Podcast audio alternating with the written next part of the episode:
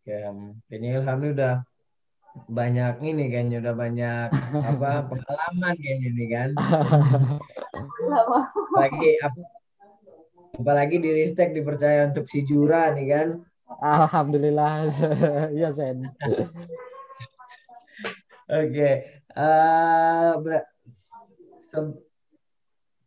pertanyaan selanjutnya gitu. Uh, bisa dijelasin nggak sih uh, alurnya dan syarat perlombaannya gitu? Dari uh, pendaftaran seleksi sampai jadi juara. Mungkin banyak gitu dari teman-teman yang di yang nonton gitu tertarik. Wah mau coba juga lah ikut. Bisa ketemu sama mungkin pengen ketemu sama Pak Rektor gitu kan. Bisa ketemu teman baru gitu. Nah itu tah tahapannya tahapannya itu gimana gitu? Dari pendaftaran seleksi sampai jadi juara gitu boleh kak Widya? Oke, dari aku ya. Uh, misalnya yang pertama itu uh, ada persyaratannya ya kayak, kayak persyaratannya ya kayak klasik kayak misalnya uh, mahasiswa mungkin dari Institut Teknologi Telkom Purwokerto Surabaya ataupun AKPL Jakarta dan juga Telkom University. Tapi ini masih lingkupnya uh, tele apa Telkom Group ya misalnya yang yayasannya di bawah itu anaknya. Terus mungkin kayak program studinya itu bebas mau D3 atau S1 kan. Terdiri mungkin bisa dari 1 sampai 3, 3, 3 orang. Terus yang mendaftar itu ketua kelompoknya gitu-gitu terus apa namanya mungkin kalau misalnya alurnya sendiri sih ngumpulin proposal ya. Proposal terus kayak data-data siapa anggotanya, siapa pembimbingnya gitu-gitu. Nanti semuanya itu diinputin di webnya innovillage.id. Ya nggak, Ham? Eh, betul, Mbak. Kalau kemarin sih gitu langsung begitu daftar, itu sekalian upload si proposalnya. Jadi nanti um, tahap pertama itu adalah seleksi di proposal buat masuk yang satu besar. Nah, dari satu besar itu nanti mereka dibuat uh, disuruh bikin laporan buat yang per minggu. Kalau nggak salah itu kemarin ada 4 sampai lima minggu. Terus dibikin video juga buat uh, bagaimana implementasinya terus uh, keuangannya seperti apa gitu gitu nah setelah itu masuk ke 10 nah di top 10 itu nanti bakalan ada bootcamp. Gimana cara kita presentasi gimana cara kita membuat uh, branding gitu gitu nah habis dari 10 nanti kita uh, ke final buat pitching ataupun mungkin presentasi sama dengan juri. Gitu sih. Versi live okay. kalau versi beta. Berarti itu sama aja nggak nggak jauh beda alur itu dengan gimnastik gitu ya berarti ya ya jenis uh, gimnastik sejenis sama kayak mungkin PKM ya dan kalau hmm. misalnya proposal awal juga nggak yang banyak-banyak mungkin teman-teman mungkin kadang kebayangnya kalau proposal uh, harus berlembar-lembar itu enggak itu salah satu hal jadi hampir sama sama peraturan buat PKN. Oke, nah, dari Ilham ada tambahan mungkin dari sebelum pendaftarannya gitu atau oh. mungkin pas habis juara gitu kan, duh bingung duitnya nih gimana nih? Aduh. Nah, mungkin tambahan ya untuk apa uh, syarat Innovillage itu mungkin dari segi administrasi dan segi uh, pertanggungjawaban lain-lainnya seperti kayak PKM sama gimnastik sih. Tapi untuk Innovillage ini ada salah satu apa ya keunikan tersendiri gitu. Jadi kita harus melaporkan progresnya itu per minggu Zen dan teman-teman lainnya. Jadi per minggu itu harus ada kegiatannya, entah itu sosialisasi ke masyarakat, ataupun uh, kita melakukan forum group discussion ataupun melakukan testing dan itu bukan hanya sekedar proposal atau laporan record gitu. Kita harus membuat video kreatif. Jadi kita itu harus uh, syaratnya bikin video atau berupa video kreatif atau konten vlog menjelaskan kegiatan kita di lapangan. Nah itu menjadi salah satu poin apa ya uh, di Innovillage itu. Jadi uh, mereka para reviewer para juri panitia itu bisa monitoring kegiatan teman-teman peserta Innovillage gitu. Jadi tahap pertama ini minggu pertama itu ngapain mereka, tahap kedua ngapain, lalu yang terakhir adalah final project. Nah, kita uh, harus melakukan eksploitasi atau hasil-hasil yang terkait dengan sosial project kita. Bagaimana sih kebermanfaatannya setelah memakai inovasi kita hasilnya outputnya apa ataukah sama aja atau makin pusing gitu di masyarakat nah, itu harus terrecord dengan baik gitu. Oke, berarti tadi udah hmm. final pro, ada sampai final project gitu. Ya. Berarti kerjasama sama Kominfo berarti. Ah, itu. Alhamdulillah berarti gini itu... gini sih berarti selain kita eksekusi di Kabupaten Sragen, alhamdulillah saat ini kita sama Mbak Widya sama ada beberapa tambahan tim kita aplikasikan ke Kota Bandung gitu. Kemarin alhamdulillah kita udah beberapa meet dengan Bu Odet, Bu Wali Kota Bandung gitu untuk melanjutkan inovasi gagasan Mebidan ke Kota Bandung untuk menurunkan angka stunting di Bandung gitu. Berarti itu uh, mungkin ya teman-teman mungkin yang 2018 SI gitu kan. Berarti apalagi sekarang lagi di uh, pelajaran uh, apa RPL gitu ya. Berarti itu iya, secara garis uh, berarti ada kalau mungkin ada di pelajarannya ada daily report ini berarti ada weekly report gitu berarti ya. Ya, Betul benar. sekali. Nah, apalagi kita kemarin tuh bangun My Bidan itu kita juga pakai pendekatan Scrum gitu ya Mbak Widya ya. Jadi uh. harus bener ini serius serius dan ini kita pakai Scrum kemarin Mbak Widya udah jelasin. Jadi saya sebelum mendapatkan mata kuliah RPL itu aku udah tahu nih metode Scrum itu kayak apa. Itu dari Mbak Widya. Jadi beberapa aplikasi yang mana kita prioritaskan untuk dibangun ya udah kita prioritaskan dulu. Jadi kemarin itu kita memang benar-benar uh, metode Scrum. Jadi saya alhamdulillah bisa menerapkan duluan gitu untuk metode Scrum hmm. itu gitu. Berarti pakai pakai Scrum Agile nih. Iya, ya. jadi pakai produk backlog juga loh itu. Berarti udah udah berarti user user story-nya PBI. Iya, betul. Jadi ada timeline box-nya uh, timeline blog ya Mbak Widya ya, itu kita juga bikin loh itu. Serius itu, eh, nggak bohong. Berarti pantesan tadi agak-agak nyebut milestone milestone tadi kan. Oh. udah udah udah udah mikir dari wah nih arahnya kayaknya ke Scrum nih kayaknya. Scrum ya benar kita pakai Scrum. Bahkan di laporan kita juga ini yang menyebutkan bahwa metode kita itu pakai pendekatan Scrum ya itu ya. Nah, Nah, kalau boleh tahu sedikit gitu kan, pasti kan uh, ketika pembuatan itu kan, apalagi pakai Scrum gitu kan, kan ngebuat itu ada hmm. ada ada medium, uh, low priority gitu. Nah, dari itu kan hmm. pasti pas pembuatan itu banyak gitu ya dari uh, pembuatan pros, proposal mungkin itu sekedar garis besarnya gitu. Nah, secara grooming gitu dipecah-pecah itu banyak gak sih uh, ininya gitu yang dipecah-pecah gitu biar biar uh, apa nge, dari dari dari dari pembuatan proposal itu apakah hanya kak uh, Widya doang yang ngerjain atau mungkin dibagi-bagi lagi atau gimana gitu?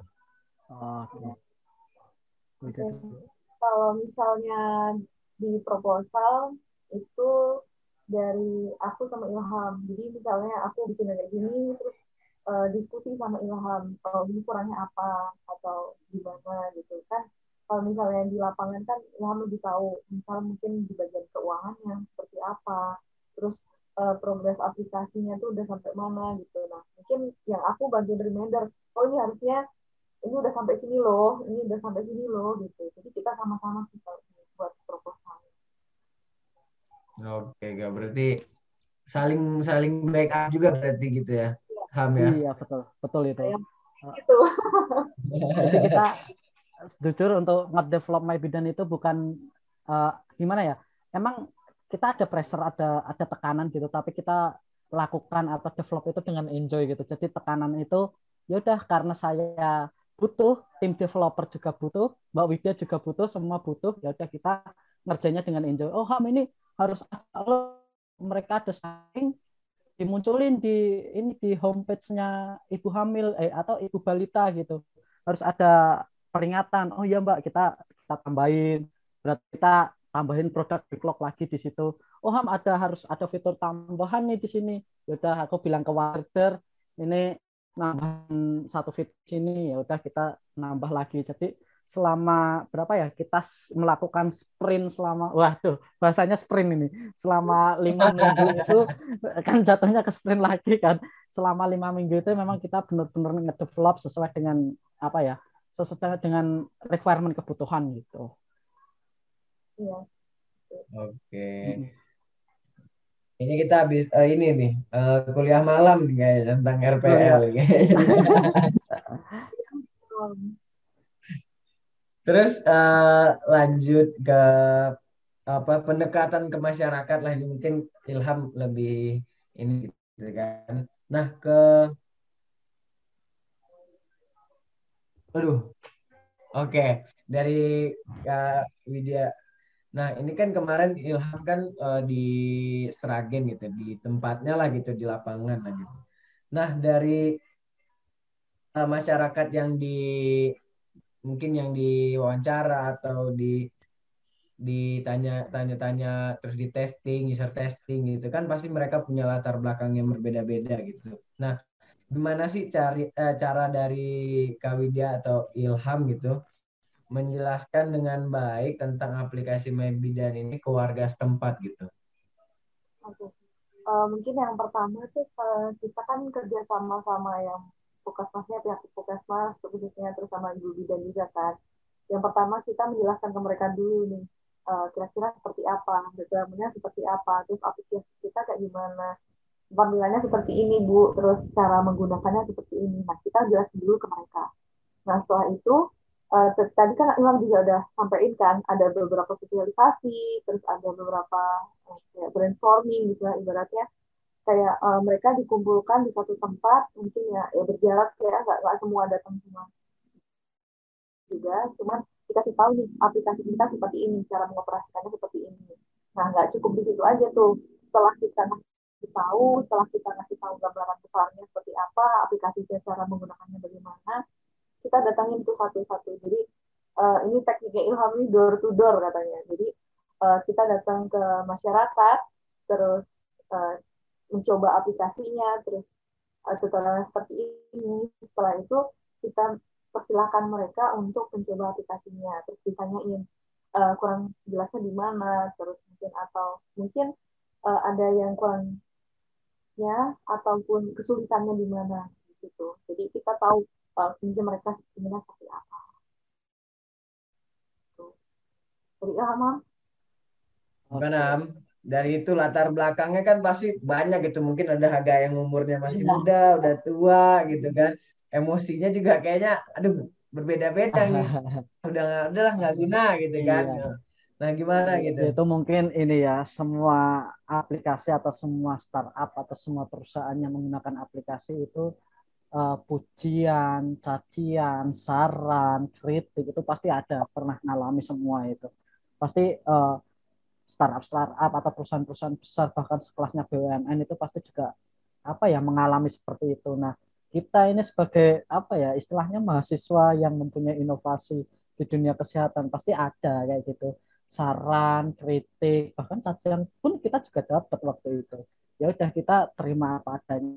Kita uh, sadar bahwa suatu perubahan atau suatu transformasi di situ pasti ada salah satu atau segelintir kelompok yang menentang gitu. Karena kita apa ya garis besarnya itu melakukan perubahan gitu. Apalagi perubahan di dunia digitalisasi pasti teman-teman sudah tahu semua bagaimana kita mengalihkan yang selamanya konvensional ke digital itu pasti akan sulit.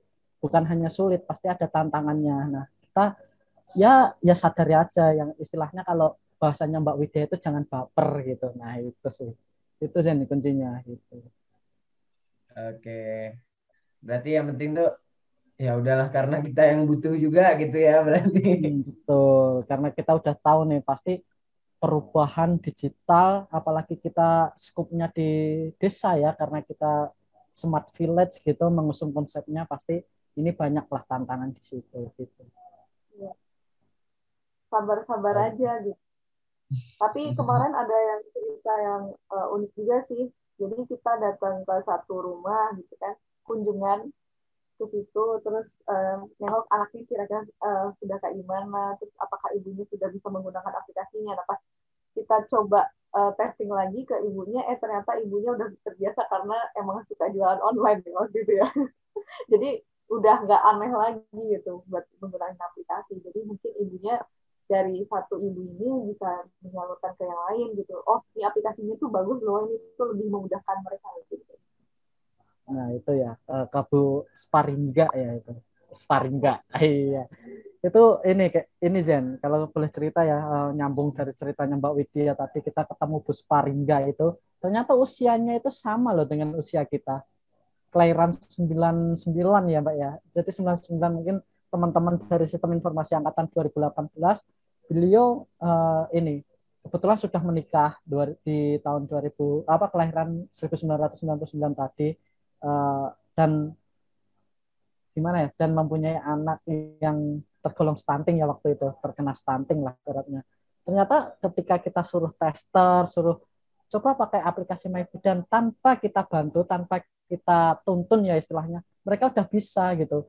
Nah, ini meyakinkan kita bahwa oke okay lah kita hidup di desa tapi pemikiran kita jauh lebih bagus dari kemampuan di perkotaan gitu. Mereka punya malah kita dimotivasi sama beliau ya udah itu menjadi titik awal balik kita untuk comeback lah istilahnya gitu bahwa di desa itu pasti bisa kalau kita niat kita welcome gitu pasti bisa.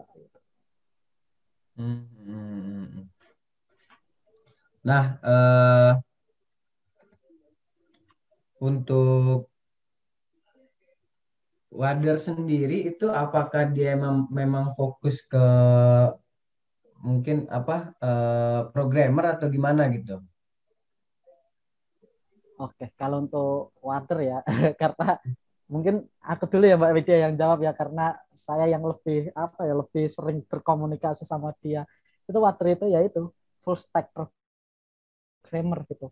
Tapi uh, seorang programmer kan pasti uh, dibutuhkan seorang analis, seorang dokum yang menyiapkan dokumentasi gitu. Jadi seiringnya perlombaan InnoVillage itu bukan hanya sekedar output sebuah aplikasi tapi berupa analis, hasil, dan lain sebagainya. Jadi kita bertiga berkolaborasi karena kita di kuliah di IT pasti minimal bisa lah untuk HTML ya Mbak Widya ya. Itu. Jadi mungkin kita lebih membantu beberapa persen, sebagian besar untuk aplikasi dan teknik itu di ranahnya si Wader gitu. Oke, gimana Kak Widya? Ada tambahan? jelas Ilham udah. nah, uh, dari Ilham uh, Kak Widya gitu, uh, momen apa nih yang paling berkesan saat mengikuti lomba ini gitu? Momen. Siapa dulu nih, Mbak Widya atau saya? Oke. Okay. Momen yang pertama ketika mengikuti InnoVillage yaitu yang berkesan yaitu banyak sih. Yang pertama kita mengetahui karakteristik masyarakat sebenarnya itu bagaimana gitu. Bahkan yang saya ceritakan tadi Ibu Sparingga itu hanya lulusan maaf ini hanya lulusan SMA.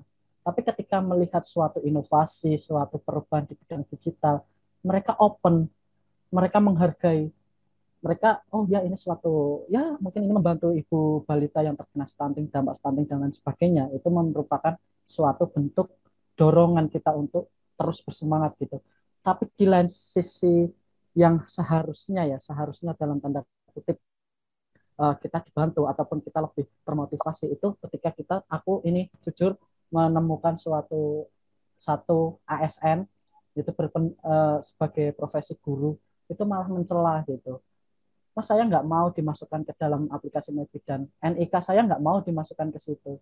Nah ini suatu ya oh berarti orang itu karakteristiknya beda-beda. Meskipun beliau berpendidikan sarjana satu ataupun lulusan SMA itu berarti karakteristiknya berbeda. Itu yang kita benar-benar mengambil pelajaran dari situ. Yang satunya open yang satunya yang malah pendidikannya yang seharusnya bisa memberikan motivasi lebih malah ber apa ya bersikap yang yang kita tidak harapkan gitu itu yang menjadi salah satu momen pelajaran lalu yang kedua ketika kita ditemui atau di di apa ya dicek langsung oleh Pak Rektor itu menjadi suatu kebanggaan mungkin dari tim dari saya bahkan keluarga langsung datang di rumah ataupun langsung datang di lokasi. Padahal lokasi kita tahu sendiri itu lokasi stunting yang paling tinggi berarti itu di perekonomian yang sangat rendah ataupun di pedesaan. Nah, beliau hadir di situ, sempat hadir mewawancarai hampir dua jam, singgah di situ. Wah, berarti ini adalah salah satu bentuk apa ya bentuk dorongan motivasi dari Pak Rektor. Uh, ini memang benar-benar program yang dibutuhkan nasional. Ini program yang salah satu bentuk apa ya bentuk harapan ya untuk warga Indonesia yang nanti ke depannya menciptakan SDM yang unggul. Itu yang salah satu, uh, salah dua, salah dua momen yang mengesankan. Lalu yang tiga kemarin sama Mbak Widya, Water, Bu Bu Asti sebagai dosen pembimbing kita bisa masuk ke awarding gitu. Di auditorium di gedung K yang didesain semewah ya menurut saya mewah waktu itu. Kalau teman-teman melihat acaranya via virtual online itu merupakan suatu apa ya suatu kebanggaan atau suatu bentuk wah gitu oh ya berarti inovasi kita itu memang dihargai oleh Telkom gitu itu yang menjadi salah satu momen yang mungkin tidak terlupakan gitu gitu Oke, Ilham. Kayaknya banyak nih momen-momen mengharukan dari Ilham nih kayaknya. Wah, banyak ini. pas tapi pas dapat eh, uh, 75 juta bukan momen yang berkesan juga? Oh, itu salah satu bentuk momen yang berkesan itu. Saya sempat aduh, ini buat apa ya Mbak Widi ya segini. Ma malah ini gimana Mbak Widi? Kita udah lihat bocoran gitu kan keangkat tuh si papan tulisannya 45 iya. itu aku empat juta lima ratus apa tuh lima tuh ham aku gini gini ham Oh iya, jadi uh, selain best on the best itu kan ada beberapa kategori sen sama teman-teman itu uh, mendapatkan 45 juta ya, 45 juta. Saya kaget. Wah, Mbak, ini yang best kategori aja 45 juta. Lalu yang best of the best nanti berapa ya gitu. Kita nggak tahu waktu itu. Setahu saya 45 juta. Wah ini uang banyak banget ya 45 juta buat apa ya? Nah buat DP rumah Podomoro bisa nggak ya? Agak bisik-bisik gitu. Gitu gimana kak? Dari Kak Widya? Nah, kalau dari aku sendiri mungkin dari awal emang udah berkesan gitu ya. Dari awal cuman kayak ngobrol bercanda doang terus ah mau ikutan ini enggak ah kan nih kegiatannya nih buat uh, digitalisasi desa katanya gitu. Cuman dari kayak gitu eh ternyata ketemu terus uh, ketemu sama orang-orang yang hebat gitu ya kayak Ilham kayak Wader gitu yang jago ngodingnya gitu kan itu suatu yang berkah lah ibaratnya gitu. Walaupun keadaan pandemi kayak gini ya mungkin teman-teman sebagian dari teman-teman bingung apa yang harus dilakuin nih. Uh, kita di rumah doang kita nggak bisa ngapa-ngapain kita nggak bisa kampus. Nah ternyata dengan adanya program Innovative ini kita bisa mengembangkan di daerah masing-masing khususnya mungkin terus uh, bisa membantu masyarakat terus kita bisa tridharma perguruan tinggi. Tinggi kan ada pendidikan pengajaran dan yang satu lagi itu ada pengabdian kepada masyarakat. Nah pengabdian kepada masyarakat ini yang luar biasa sih kalau kataku karena selain kita belajar di kampus itu kita kan cuma tahu tentang teorinya aja. Tapi pas kita prakteknya tuh ternyata ya itu butuh effort gitu. Butuh uh, mungkin dari waktu mungkin dari bagaimana kita menanggapi mereka gitu. Tadi yang udah sampai ilham ada welcome ada yang nggak welcome gitu kan bagaimana kita mungkin menyikapi hal-hal seperti itu yang mungkin nggak kita bakal dapat di kampus kalau cuma hanya kuliah aja gitu. Jadi aku sangat uh, menyarankan buat teman-teman buat mencoba coba buat melakukan pengabdian masyarakat mungkin atau mencoba buat lomba-lomba. Walaupun kalian gagal satu, dua, tiga kali itu juga masalah karena kita nggak pernah tahu kan percobaan seberapa kita akan berhasil ataupun kapan kita mungkin akan menjadi sesuatu gitu. Jadi coba aja dulu selagi kita mau dan selagi kita mampu. Gitu. Jadi jangan pernah berkecil hati karena yang terpenting adalah kebermanfaatannya. Yang terpenting adalah bagaimana kita memberikan sesuatu untuk ya mungkin masyarakat ataupun rekan terdekat kita gitu. Terus yang setelah itu ada kunjungan Pak Rektor itu masih gak nyangka tuh sampai aku telepon-telepon Ilham tuh Ham ini beneran nih Pak Rektor mau datang ke Seragen nih. Gak, kamu nggak bercanda kan? Nih jangan-jangan cuma panitia doang nih yang datang. Nanti kita datang ke situ nggak jadi bapaknya gitu. Terus dia bilang, oh ini beneran Mbak, ini kamu harus datang hari ini. Nah tadinya kan pengennya berangkat ya hari Senin tuh ternyata Ilham bilang hari Minggu aja berangkat gitu jadi kita berangkat dari Bandung sama Madura itu hari Minggu sampai Bandung itu hari Senin dan di hari Senin itu tiba-tiba ditelepon lagi tuh uh, jadinya bapaknya nggak hari Rabu datang ke Seragen tapi hari Selasa. Jadi pas malam itu tuh kita lembur. Bahkan Ilham kayaknya nggak tidur ya. Aku tidur sih mau habis mau subuh itu baru tidur bentar. Terus bangun lagi siap-siap uh, bapak rektor tuh datang di hari Selasa. Terus yang selanjutnya mungkin uh, bisa mendapatkan penghargaan ya yang bisa masuk top 100 top 10 itu udah luar biasa banget terus pas um, bisa masuk uh, ke bilang best of the best tuh rasanya masih nggak nyangka dan itu sampai gemeteran tangan tuh jujur masih gemeteran kayak ah beneran ini my bidan terus gitu. masih terharu sih waktu itu tuh kayaknya sekarang juga masih kayaknya berkaca-kaca nih kayaknya kelihatan dari sini.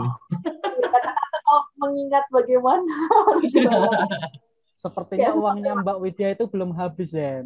Jadi iya. masih berkaca-kaca bingung untuk menghabiskannya gitu. Wah, apa Ilham ini udah senang-senang udah habis kayak Oke. Okay. Nah, terus buat rencana ke depannya nih, mungkin tadi udah disinggung juga kayaknya sama Ilham gitu ya. Mai Bunda, Mai Widan ini udah mau ke udah ketemu wali kota Bandung tadi. Nah, ke depannya nih mau seperti apa gitu Mai Widan gitu. Uh, boleh gimana ya? Oh, aku dulu. Ya, seperti ini ya, seperti tujuan pertama gitu. Eh, kita mengangkat kebermanfaatan gitu jadi uh, pemikiran kita atau tujuan ke depan targeting kita untuk My Bidan itu yaitu uh, mendukung visi dari pemerintah gitu.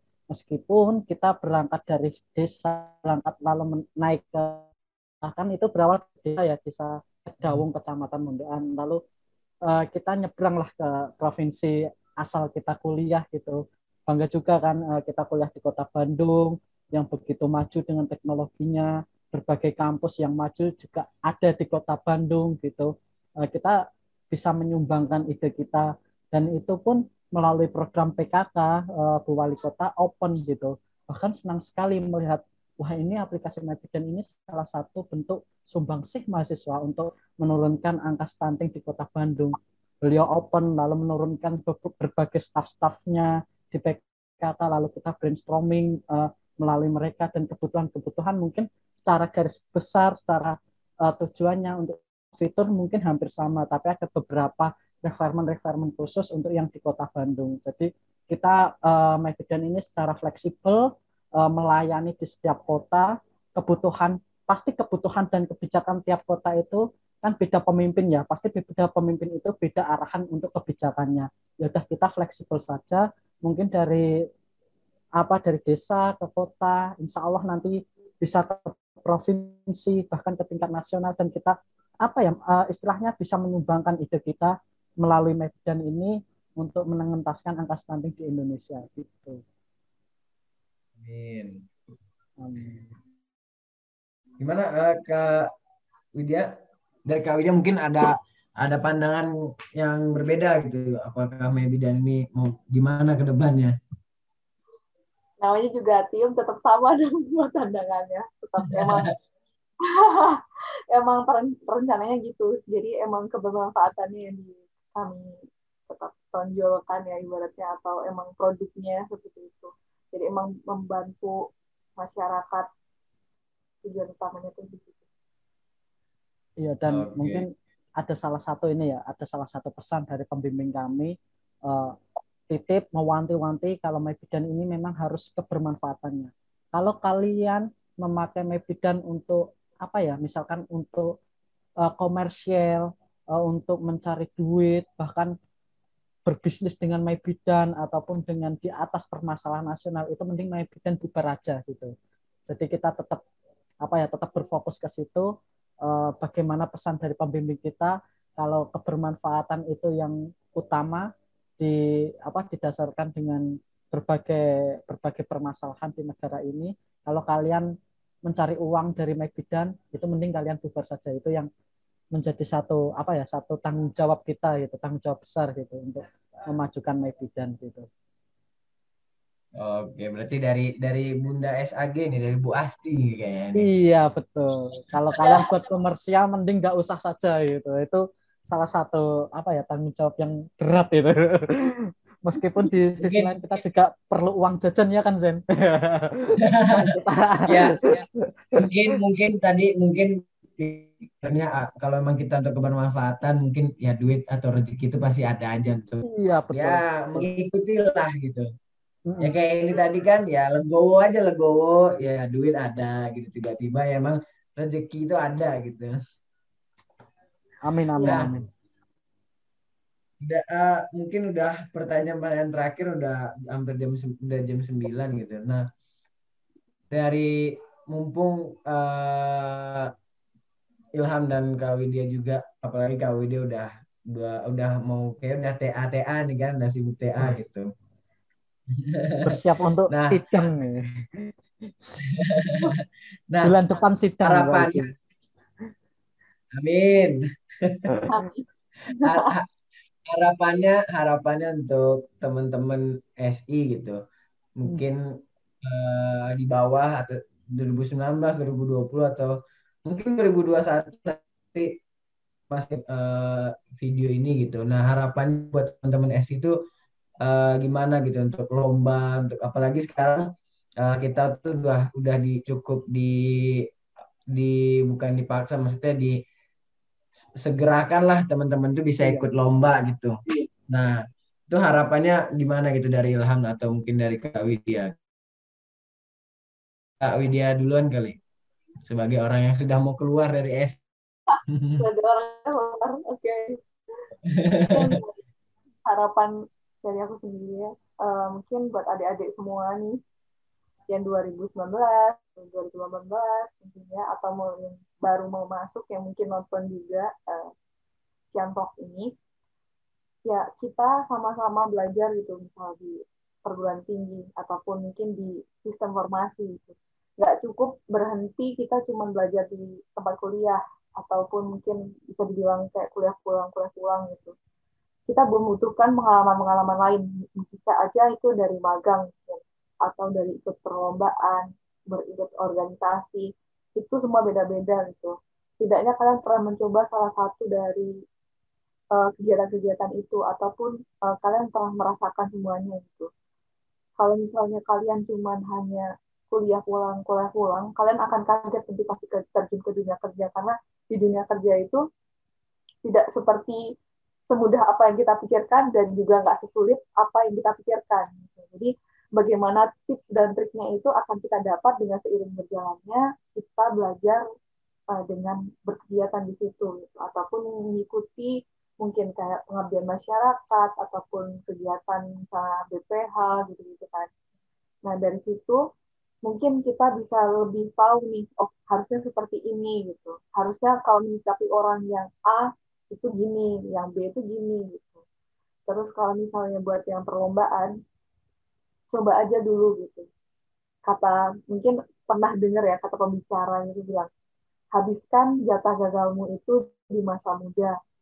Nanti kita tinggal memetik uh, mungkin hadiahnya itu ketika ya sudah habis itu jatah gagalnya gitu. Karena kita udah tahu, oh kurangnya di sini tambahin, oh kurangnya di sini tambahin lagi gitu. Jadi kita tahu nih kapan posisi kita harus seperti apa gitu.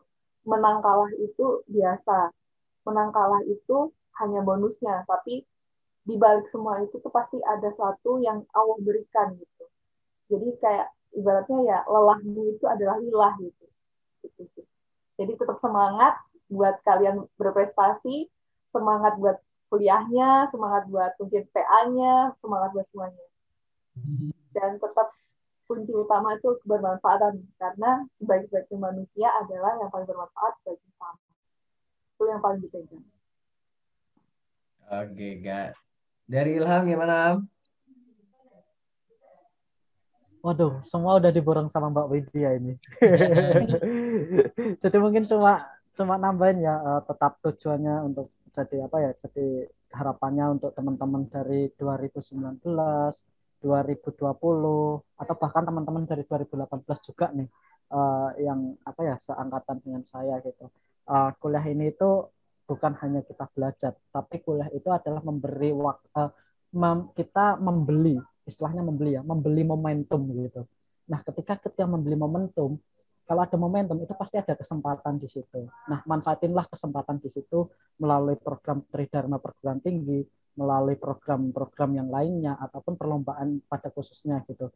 Karena kita tahu bahwa semua inovasi, semua gagasan itu pasti akan datang seiringnya dengan mata-mata kuliah yang kita dapatkan gitu. Entah itu di dalam eksak atau non eksak pasti itu ada semua ilmu-ilmu yang ada di situ gitu. Selebihnya tadi udah dijelaskan Bang Widya, mungkin aku cuma menambahkan itu. Kita kuliah itu adalah membeli momentum gitu. Jadi manfaatkanlah momentum-momentum yang teman-teman beli itu. Gitu sih. Oke, Ilham.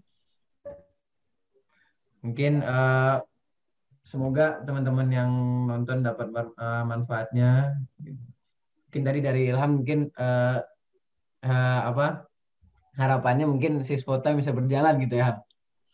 Boleh, apalagi si Jura ini. Ini aku nitip nih siapa pun nanti yang pegang HMSI pasti harus harus ada nih program si Jura karena itu adalah men-trigger dan memfasilitasi teman-teman SI untuk juara gitu. Aku titip itu Zen.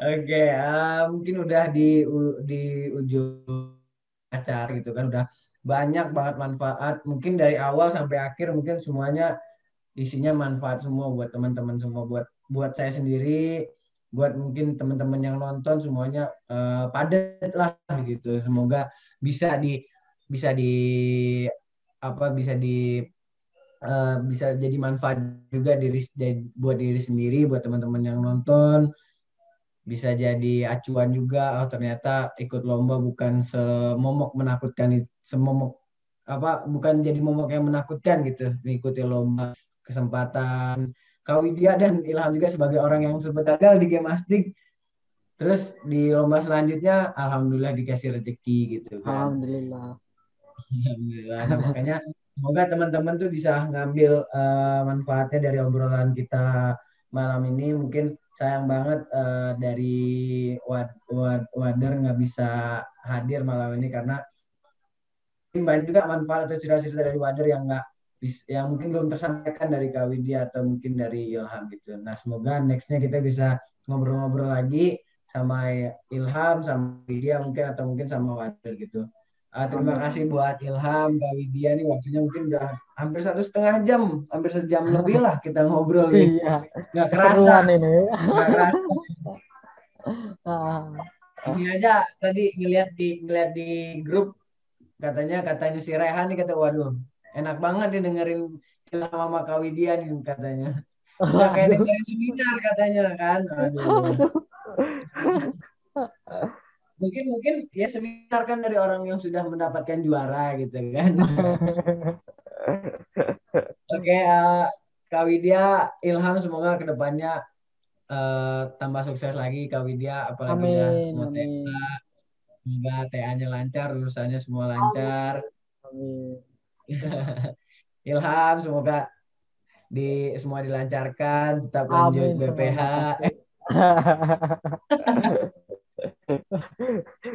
Intinya itu tadi yang agak di, yang di belakang kalimat yang di belakang itu. Oh, iya. Soalnya kan udah nggak konsep udah masa udah nggak konsep si Jura nggak dilanjutin gitu kan. Aduh. Ada pesan-pesan politik ini kayaknya.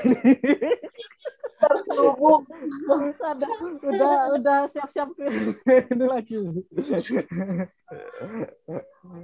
Ilham nih agak-agak buka kartu nih kayaknya nih udah ada pesan politiknya udah sampai nih kayaknya Zen sinyal-sinyalnya itu.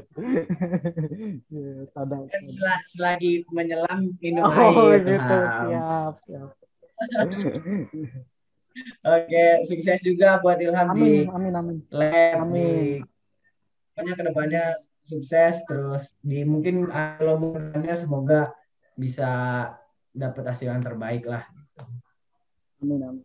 Oke, okay, uh, pokoknya terima kasih banyak uh, Kak Widya, Ilham udah uh, diambil lah waktunya Tapi Ya, semoga ya, apa di yang di sharing tadi jadi manfaat buat diri sendiri, buat saya, buat teman-teman yang udah dengerin juga gitu.